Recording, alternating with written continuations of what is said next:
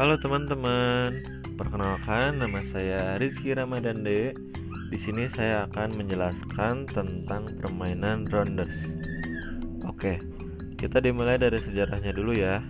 Jadi, permainan rounders ini telah dimainkan di Inggris sejak zaman Tudor dengan referensi awal yang pada 1744 di sebuah buku pocket Pretty Little yang mana ia disebut dasar bola oleh John Newbery pada 1828. William Clark di London menerbitkan edisi kedua dari buku pemilik The Boy yang mencangkup aturan kasti dan yang berisi deskripsi permainan ini dalam bahasa Inggris. Oke, lalu ternyata tahun berikutnya buku itu diterbitkan di Boston, Massachusetts Aturan nasional diresmikan pertama disusun oleh Asosiasi Atletik Gaelic atau disingkat dengan GAA di Irlandia pada 1884. Permainan ini masih diatur oleh GAA di Irlandia. Lalu di Inggris itu diatur oleh National Rounders Association atau disingkat dengan NRA yang dibentuk pada 1943. Setelah aturan kasti yang diinformalkan di Irlandia, asosiasi didirikan di Liverpool dan Skotlandia pada 1889. Meskipun kasti dianggap lebih tua dari baseball, referensi sastra untuk bentuk awal basis bola di Inggris pradet penggunaan kasti panjang. Permainan ini sekarang dimainkan hingga tingkat internasional. Nah, lalu setelah aturan kasti yang diinformalkan di Irlandia, Asosiasi didirikan di Liverpool dan Skotlandia pada 1889. Kedua, New York permain permainan dan sekarang sudah tidak berfungsi versi Massachusetts permainan baseball serta softball berbagai akar sejarah yang sama seperti kasti dan memiliki kemiripan dengan versi GAA dari permainan. Lalu Rounders terkait dengan baseball Inggris yang masih bermain di Liverpool Cardiff, dan Newport. Meskipun kasti dianggap lebih tua dari baseball, referensi sastra untuk bentuk awal basis bola di Inggris pradet penggunaan kasti panjang. Permainan ini sekarang dimainkan hingga tingkat internasional.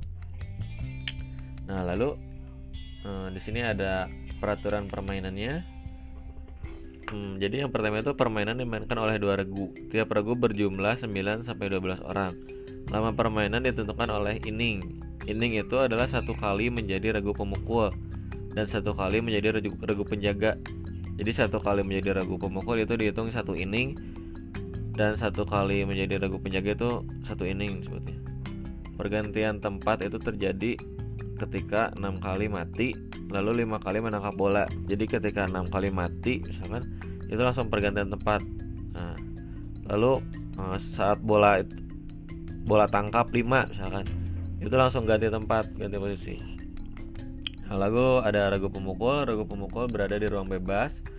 Urutan pemukul ditentukan dengan nomor urut 1 sampai 12 setiap pemukul diberi kesempatan tiga kali memukul. Tetapi bila pukulan pertama dan kedua baik maka pemukul harus lari ke base pertama dan seterusnya. Pemukul atau pelari pertama tidak boleh didahului oleh pelari kedua, pemukul kedua tidak boleh didahului oleh pemukul ketiga dan seterusnya. Pemukul harus lari jika pukulannya baik setelah pukulan ketiga meskipun pukulan ketiga tidak kena.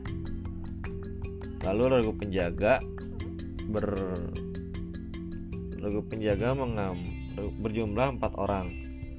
Dari penjaga mengambil tempat di B1, 2, 3, dan 4. Satu orang sebagai pelambung, satu orang lagi penjaga menjaga bagian belakang pemukul.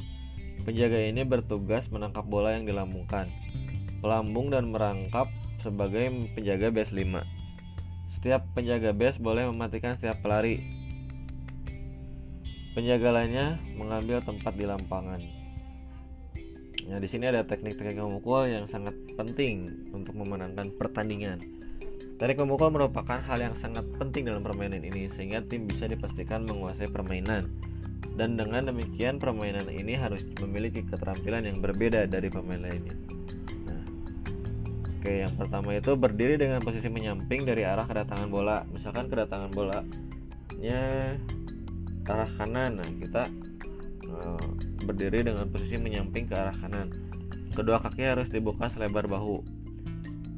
Dibuka kakinya selebar bahu lalu lututnya agak sedikit ditekuk kuda-kudanya siapkan telapaknya harus sejajar dengan lutut dan menyentuh tanah.